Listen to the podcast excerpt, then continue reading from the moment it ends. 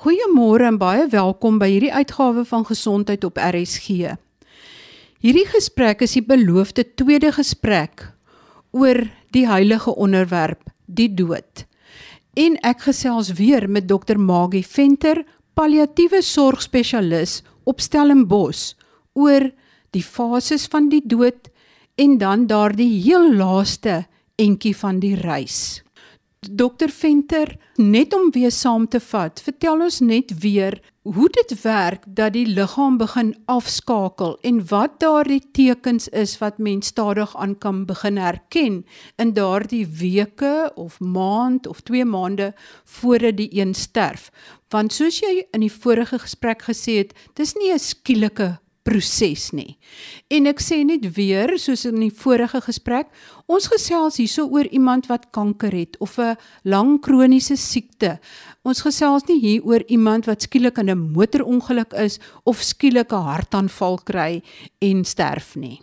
Dankie. Opsommend wat ons voorheen gepraat het in die laaste paar maande of weke sal mens sien dat mense stadig begin kragte verloor, hulle kla van meer moeg wees, moet meer slaap bedags, ehm, 'n um, middagslaapie inhaal, minder eetlus, so uh, volumes van kos raak minder of hulle is heel gemaklik om miskien 'n maaltyd te laat verbygaan onttrek so 'n bietjie uit die wêreld. Ehm um, so waar hulle voorheen miskien baie graag mense gesien het, raak daai behoefte minder keer meer inwaarts en kragte verloor oor tyd. So met ander woorde waar mens voorheen gemaklik buite die huis gefunksioneer het, raak mense wêreld kleiner. So gaan minder graag uit uh later spandeer mens meeste van die tyd binne in die huis, later een vertrek.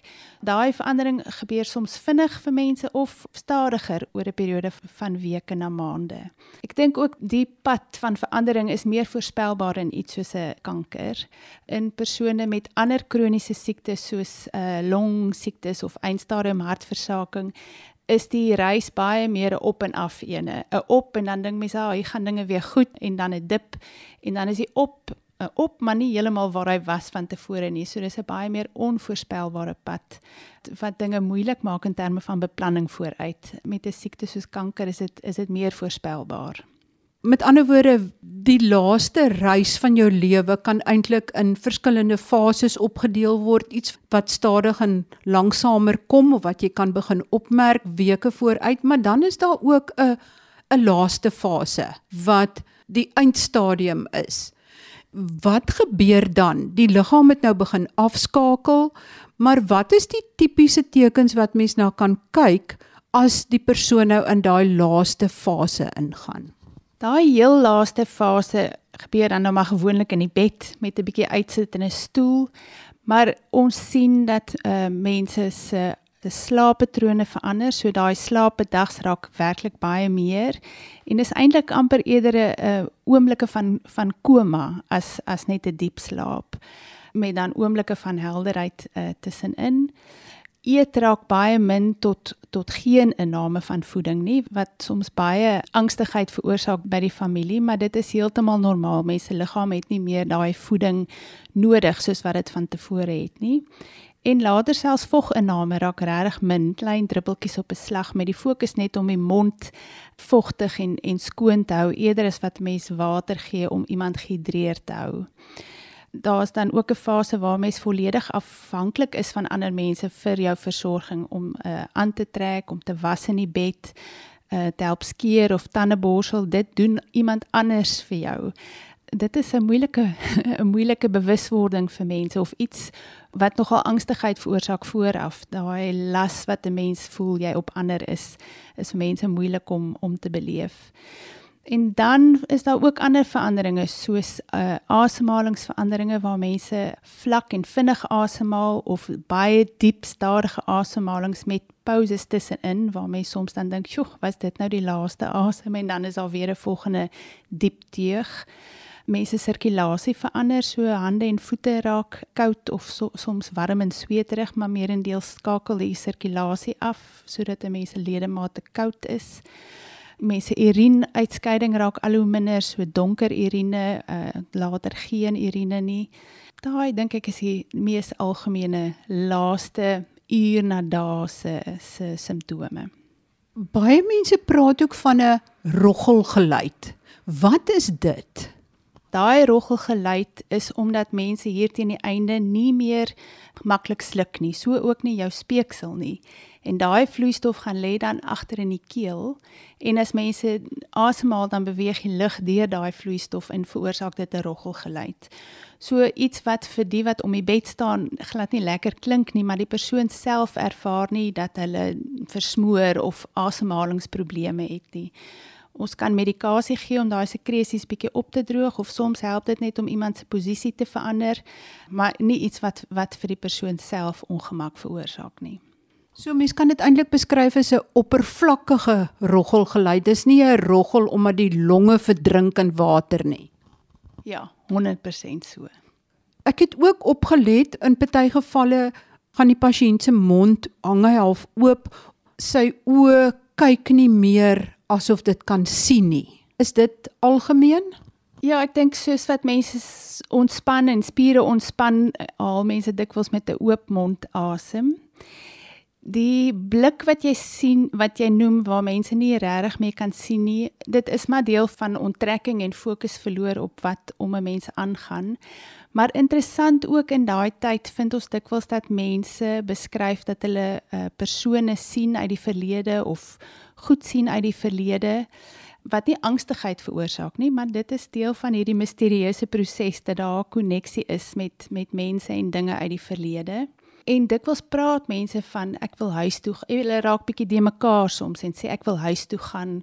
Uh, pak asseblief my tas so alsof hulle op pad is op 'n reis en dit is goed wat ons nie regtig kan verklaar nie maar wat ons gereeld sien en wat van die tekens is vir ons dat dinge aan die verander is.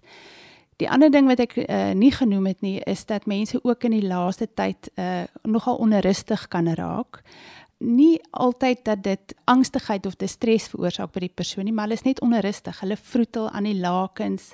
Hulle is op en af, op en af en dit is wat die sorg van so iemand soms uh, regtig vermoeiend maak. Maar daai onrustigheid is ook eh, 'n uh, teken van laaste ure na dae. Moet mens iets daaraan doen of moet mens dit maar net tolereer of moet mens iets vir die persoon gee om hom meer te laat ontspan? Ek dink die belangrike deel is dat 'n mens 'n kalm stil teenwoordigheid uh, vir daai persoon is. So, ehm um, as hulle so bietjie de mekaar praat of praat uit die verlede, ontmoet hulle waar hulle is, praat saam. Moenie sê nee, maar hulle is nie hier nie. Gaan saam met hulle op hierdie reis. Ek dink dit is 'n uh, belangriker as medikasie. Soms as iemand regtig uh, onrustig is en 'n gevaar vir hulle self of ander is, of jy kan regtig sien daar is angstigheid sal ons iets gee om mense rustiger te maak, maar 'n kalm, rustige teenwoordigheid is amper meer belangrik. Dan het ek ook gehoor dat kort voordat die een sterf en eintlik baie slaap en dan is dit miskien die persoon se verjaarsdag of dit is 'n familielid wat van baie ver gekom het om die een te sien dat die dokter dan kortison gee. Wat doen dit? Kortison gee soms soms, nie altyd nie, vir ons 'n bietjie van 'n opflikkering. So mense voel 'n bietjie meer energiek, 'n bietjie wakkerder en dit kan moontlik tyd so 'n bietjie vir ons uittrek sodat daai persoon nog daar is wanneer die familielid van oorsee af aankom. In daai geval gee ons ook soms 'n bietjie vog net om die persoon gehidreerd te hou of ons regtig daardeur 'n verskil maak en ure of dae byvoeg, is ek nie 100% seker nie, maar dit is iets wat ons soms doen as ons weet iemand is op pad en ons moet um, kyk of ons die persoon bietjie langer hier kan hou. En dit gee daai hopelik daai opflikkering vir die dag dat die persoon darm nog kan kommunikeer met iemand, maar hoe lank hou dit dan? As dit werk is maar baie kortstondig. Dit is maar 'n dag of twee wat 'n mens sien die persoon, jy weet, 'n bietjie wakkerder. Soms kry mense hierdie opflikkering sonder enige mm, betrokkenheid van die dokter. Mens sien iemand het besonder 'n goeie dag, kon lekker gesprekke hê met met familie wat naby is en dan die volgende dag is hulle in 'n koma en kort daarna oorlede. So die opflikkering is ook iets wat ons eintlik nogal gereeld sien met of sonder medikasie in 'n meerderheid van gevalle of is dit skaars? Nee, mens sien dit, mens sien dit eintlik nogal gereeld en dit is altyd so 'n positiewe ervaring vir almal. Eh, dit is 'n dag wat 'n mens dan moet moet koester. en ek dink dikwels in hierdie in hierdie reis is daar beter dae en en slegte dae. So die slegte dae byt mens maar vas en dan daai goeie dae moet mens besluit hoe maak ons hierdie 'n goeie sinvolle dag. Dit is 'n dag vir gesprekke, so 'n bietjie terugkyk op die lewe. Mense praat van uh, meaning making en en legacy waarin het hulle behoefte om te gesels om half daai gesprekke tot 'n tot 'n volsirkel te bring. Die dood self. Is dit werklik 'n stil proses wat die een net sy asem uitblaas? Ja, dit is in meeste gevalle werklik net 'n baie stil proses. Soms kom die familie wat om die bed sit nie eens agter daai persoon is oorlede nie. Hulle is nog besig om te gesels of musiek te luister en die persoon neem 'n laaste asem en dan nie 'n volgende nie. Is dit letterlik net 'n uitblaas van asem of is daar baie keer nog 'n effense snak? Ja, soms is daar 'n laaste asem en dan is dit werklik dit. Soms uh, is daar 'n asem en dan na 'n klompie sekondes, 'n half minuut of so, is daar nog 'n snak en miskien nog 'n snak en dan is dit al. Ek gesels nou verder met dokter Magie Venter, palliatiewe sorgspesialis op Stellenbosch en ons gesels oor die laaste paar dae van jou reis op aarde, jou dood. Daardie misterieuse heilige proses. 'n Luisteraar het gevra Hulle het na aanleiding van die program 2 weke terug, het hulle besef die geliefde is in die laaste fase van haar lewe en eintlik sterwend. En gevra maar hoekom skryf die dokter dan nou nog antibiotika voor? Gaan dit iets verander? Ja, dit is nog 'n goeie vraag en nie een wat mens sommer maklik kan beantwoord nie. So vir my help dit altyd om te in my gedagtes uit te klaar wat is die doel van enige insette wat ons lewer. En gewoonlik aan die einde van lewe is dit om die persoon gemaklik te hou. Ons probeer nie lewe verleng nie. Ons laat die natuurlike uh, proses van dood gaan gebeur, maar ons moet seker maak daai persoon is gemaklik in hierdie proses en dat die familie ondersteun is. As ons dink dat daai antibiotika nodig is om die persoon gemakliker te maak en daar's nie 'n ander manier om dit te doen nie. Byvoorbeeld bietjie sitrosoda aan iemand met 'n urineweginfeksie nie. Dan kan mens eintlik maar besluit om nie die antibiotika te gee nie want dit gaan nie vir ons daai doel bereik van die persoon gemaklik maak nie. Soms is ons nie heeltemal in daai einde fase is nie en dit is nie altyd so maklik om dit te skat nie. Is ehm um, goeie soos infeksie of abnormale ehm um, soutte in 'n mens se bloed een van die redes vir daai de mekaarheid. En dis iets wat die dokter dan moet evalueer. Is hierdie de mekaar as gevolg van iets wat 'n mens kan omkeer? En sou antibiotika wees deel van dit? Moet ons antibiotika gee vir daai rede? Maar dikwels aan die einde van lewe sien ons mense kry antibiotika en dit het eintlik geen positiewe uitkoms nie. Inteendeel, dis moeilik om die antibiotika in te kry en die familie doen alles in hulle vermoë om hierdie flippend pil in te kry en dit veroorsaak meer uh, ongemak as as enigiets. So 'n mens moet jouself baie mooi afvra met elke medikasie of intervensie wat mens doen, uh, bereik dit die doel van die persoon gemaklik kry aan die einde van lewe. En jy het in die vorige gesprek gesê om te sterf is nie pynlik nie. Dit is as jy siekte het, kom die pyn moontlik van die siekte af en dit kan grootliks beheer word. So om te sterf is eintlik glad nie 'n pynlike proses nie, baie stil, baie heilig, baie misterieus. Ja, net so. Die dood self veroorsaak nie pyn nie, dit is maar die siekte en daar is nie 'n verhoging in pyn in daai tyd van van doodgaan self nie. Ehm um, en dit is iets wat 'n mens verseker kan beheer en is die doodgaan self 'n rustige, soos jy sê, heilige oomblik wat baie vreedsaam is. Ek het 'n studie raak gelees wat die neuroloog sê hulle het nog effens 'n breinfunksie gesien sekondes en met selfs minute nadat die persoon sy laaste asem uitgeblaas het. En dit hak aan by 'n vraag van 'n luisteraar. Die luisteraar vra: "As ek te laat opdaag en die persoon is klaar dood, help dit nog dat ek met die persoon praat? Is daar 'n kans dat die persoon dit dalk kan hoor?" Ja, maar dit dit weet ons nie, maar ek glo ek ek dink baie mense ervaar na iemand gesterf het dat hulle nog steeds bewus van hulle teenwoordigheid vir vir 'n tydperk na die persoon se dood. So ek ek dink dis ook deel van ons eie proses van totsiens sê en van rou. So ek dink mens moet in daai oomblikke na 'n sterfte, selfs 'n dag of wat na dit is, partykeer is mens regtig nie daar is nie, kan jy by die begrafnisondernemers 'n besigtiging gaan doen. En dan is dit 'n tyd om jou laaste vaarwel te sê. Ek dink dit is 'n misterieuse proses hierdie en mens kan nie ehm um, met sekerheid weet nie, maar ek dink dit is belangrik om jou sê te sê as as 'n mens so behoefte het.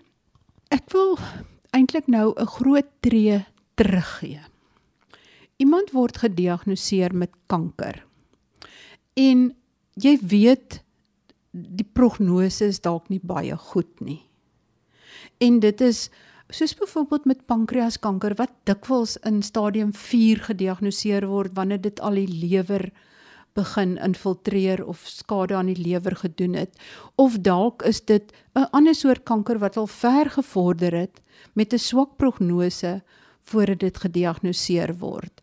En ek kyk na die ingesteldheid as jy daai verskriklike diagnose hoor. Natuurlik veg jy hoopvol voort as jy die moed het en jy sien kans en daar's 'n kans dat jy weer kan herstel moet mens nie eintlik al van daai diagnose af stadig aan begin kyk dat jy so sinvol as moontlik lewe dat dit eintlik 'n dag in jou lewe is daai diagnose dag wat jy effens anders na goeters moet begin kyk nie. Ja, dit is iets wat my eintlik baie na in die hart lê. Dink is hoekom ons as palliatiewe sorgspan graag betrokke raak is om sinvol te kan gesels oor boonbehalwe die siekte, gegeewe die siekte, maar nie maar boonbehalwe die siekte, wat is dan nou vir my die mees belangrikste ding? Waaroor is ek bekommerd? Waaraan wil ek my tyd spandeer? Watter goed moet ek in plek sit? Uh daar's so 'n mooi ehm um, frase in Engels, um hope for the best, plan for the rest. Ehm um, so soms is mense so gefokus op die siekte en die behandeling dat al die res in die agtergrond geskuif word en dit is eintlik net so belangrik want dan wanneer dinge werklik verander en daai persoon baie siek raak is daar net nie genoeg tyd om alles te doen. Die logistieke finansiële goeders wagwoorde daai tipe van goed maar ook in terme van tyd wat 'n mens met familie wil spandeer of 'n laaste keer 'n voeltjie gaan kyk of ek meen dit is vir elke persoon anders. En hierdie is ook 'n belangrike gesprek om met jou onkoloog te hê Hulle moet verstaan wie jy is en wat vir jou belangrik is sodat 'n mens seker maak dat die behandeling wat voorgestel word ook inpas met daai behoeftes. Dit gaan nie net oor die siekte nie, dit gaan ook uh oor die mens. En mense moet baie mooi verstaan wat die intensie is van die behandeling en wat ons gaan probeer bereik daardeur. Die navorsing wys ten spyte van die feit dat mense gesê is wat hulle diagnose en waarskynlike prognose is, verstaan hulle nog steeds dat die intensie van behandeling is om genees te word. So ek dink mens moet net, jy weet, daar en dis moeilike gesprekke, dis moeilik vir die onkoloog om daai gesprek te voer en moeilik vir die familie. Jy weet dit is moeilike gesprekke, maar ek dink as mens dit oopkop kan bespreek, dan het jy 'n baie meer autentieke 'n reis eerder as wat dit 'n oorlog is.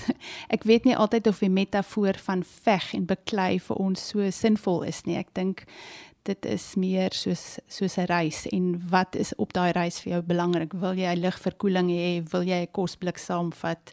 Waar wil jy 'n draai vat? Wanneer wil jy bietjie rus? So daai is 'n baie belangrike deel van die besluitneming rondom behandeling. Ja, want 'n vriendin van my het gesê na 'n diagnose en toe sy met behandeling begin het, het sy besef wat is belangrik en haar lese is don't sweat the small stuff. So fokus op die goeders wat belangrik is. Maak nie saak of jy 'n goeie of 'n swak prognose het nie. Dit moet eintlik deel word van jou lewe of jy siek is of nie. Ja, en ek dink uh, sonder om nou ehm um, simpel daaroor te praat, maar ek dink dit is een van die geskenke van so ernstige siekte. Dit gee vir jou daai intensiewe ervaring van die lewe op 'n op 'n ander manier as wanneer 'n mens dink daar is nog jare en jare vooruit. So dit is gewoonlik so dat mense se perspektiewe verander. Ek het een persoon saam met wie ek die pad gestap het, het gesê die lewe is regtig te kort om 'n slegte glas wyn te drink. Nou is die pasiënt het nou sy laaste asem uitgeblaas en die reis het nou tot 'n einde gekom. Wat is dan die volgende stappe en moet mens vooraf praat oor wat die volgende stappe is?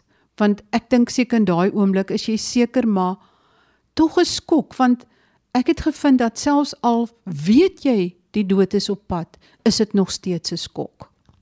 Ja, ek dink 'n mens sit vir dae en weke daar en sorg en weet dit gaan kom en dan as dit gaan kom, dan kan jy dit nie glo dat dit uiteindelik gebeur het nie. So dit is so. Ek dink dit is ook altyd 'n ongemaklike vraag en iets wat ek gewoonlik voor die persoon sterf met die familie bespreek wat doen ons in daai oomblik as die persoon dood is? Wat volgende? En almal is gewoonlik baie dankbaar dat iemand die gesprek aanknoop want dit het hulle geplan hulle agterkoppe.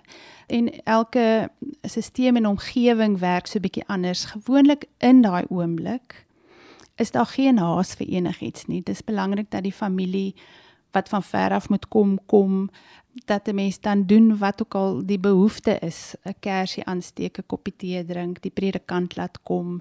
Ehm um, in sekere kulture is daar spesifieke rituele wat moet gebeur, maar gewoonlik geen haas in daai oomblik nie. En dan is daar gewoonlik iemand wat 'n mens moet kontak, 'n verpleegster of 'n dokter of die paramedisy afhangend van die opset en dan uiteindelik die begrafnisondernemer. So 'n tyd waar dit help om net vooraf te weet wat moet gebeur en wie moet mens bel maar in daai oomblik is daar geen haas nie. Jy mens moet mense tyd vat, daai heilige oomblik net stil sit. Eerbiedig, nie haastig en angstig wees nie.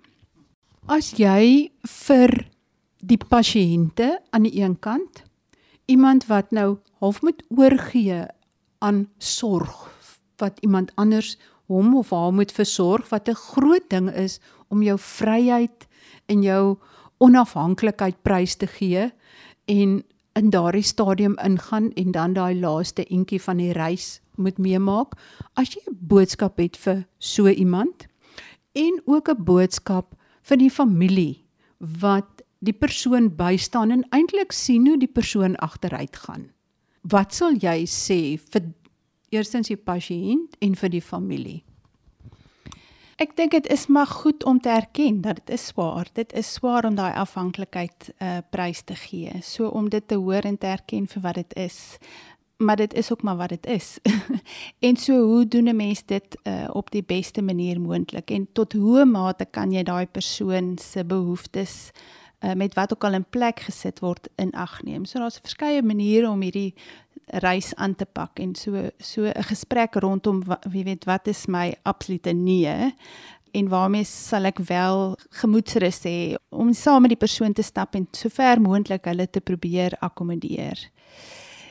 Die ander ding dink ek is dat mense se persepsie en se perspektief verander ook oor tyd. So as iemand dink ek wil nooit in 'n doek wees, dit gaan my waardigheid wegneem met tyd raak dit nie so relevant nie. Nou dra ek die doek en dit is maar dit is maar oukei. Okay. Dis dink ek 'n bietjie soos wanneer mens kraam, jy weet, dan dan gee mens min om vir wie naai vertrek is die baba moet uit. So so mense persepsie van waardigheid skuif ook met tyd. En ek dink dit is belangrik vir mense om vir families om te sorg dat hulle self ook die nodige ondersteuning het. Who takes care of the caretaker? So mense moet sorg dat hulle ook die nodige ondersteuning het en tyd het om 'n koppie tee buite die huis te gaan drink. Mens kan so vasgevang raak in daai sorg. Is harde werk. En as moontlik moet 'n mens tog vir hulp vra en en dit aanvaar, maar selfs daai proses is moeilik. Dit is nie maklik nie, maar dit is betekenisvol. As 'n kind kanker het, want jy kry kinderkankers. En ek het al in hospitale in kinderkankersale gestap. En daai gesiggies en die manier wat hulle na jou kyk, kan jy sien hulle het al baie gelewe en al baie pyn verduur en hulle is eintlik baie ouer as hulle 3 en 4 en 5 en 6 jaar oud. Hoe stap jy daai pad saam met 'n kind? En het die kind insig in wat met hom gebeur? Elke kind, elke ouderdomsgroep het 'n ander belewenis en 'n ander manier hoe ons hulle betrek by die pad. Hulle slim, kinders is slim. Hulle gaan nie sommer net deur 'n ding gaan sonder dat hulle verstaan wat aan die gang is nie. En ek dink ons doen hulle onreg aan deur nie oop en eerlik te gesels nie. Want hulle verbeeldings is ook groot en dan mag hulle dalk, jy weet, hulle eie stories en hulle eie afleidings maak wat baie erger is as wat die realiteit is. So ek weet my kollegas doen regtig moeite om kinders te betrek by die gesprekke en by die besluitneming so ver moontlik en nie hulle uit te sluit en net met die ouers te gesels nie. Ek dink dit is belangrik om hulle rol in hulle reis te erken en te eerbiedig. Baie dankie aan my gas, Dr. Magie Venter, palliatiewe sorgspesialis op Stellenbosch, wat soveel insig gebring het oor hierdie laaste paar dae, die laaste tree van ons reis op aarde. Mag ek hierdie laaste gedagte met almal deel? Dit is eintlik wonderlik hoe die mens geskape is. Want elke aand as jy jou oë toemaak en jou oorgee aan die slaap, dit is eintlik 'n klein oefening om te sterf. So word ons geprogrammeer. Soos wat jy jou oë toemaak en jou oorgee aan die slaap. So stil is dit om te sterf. Maar geniet elke liewe dag van jou lewe wat jy nog lewe. Tot volgende week wanneer ons weer gesels. Baie groete van my, Marie Hudson.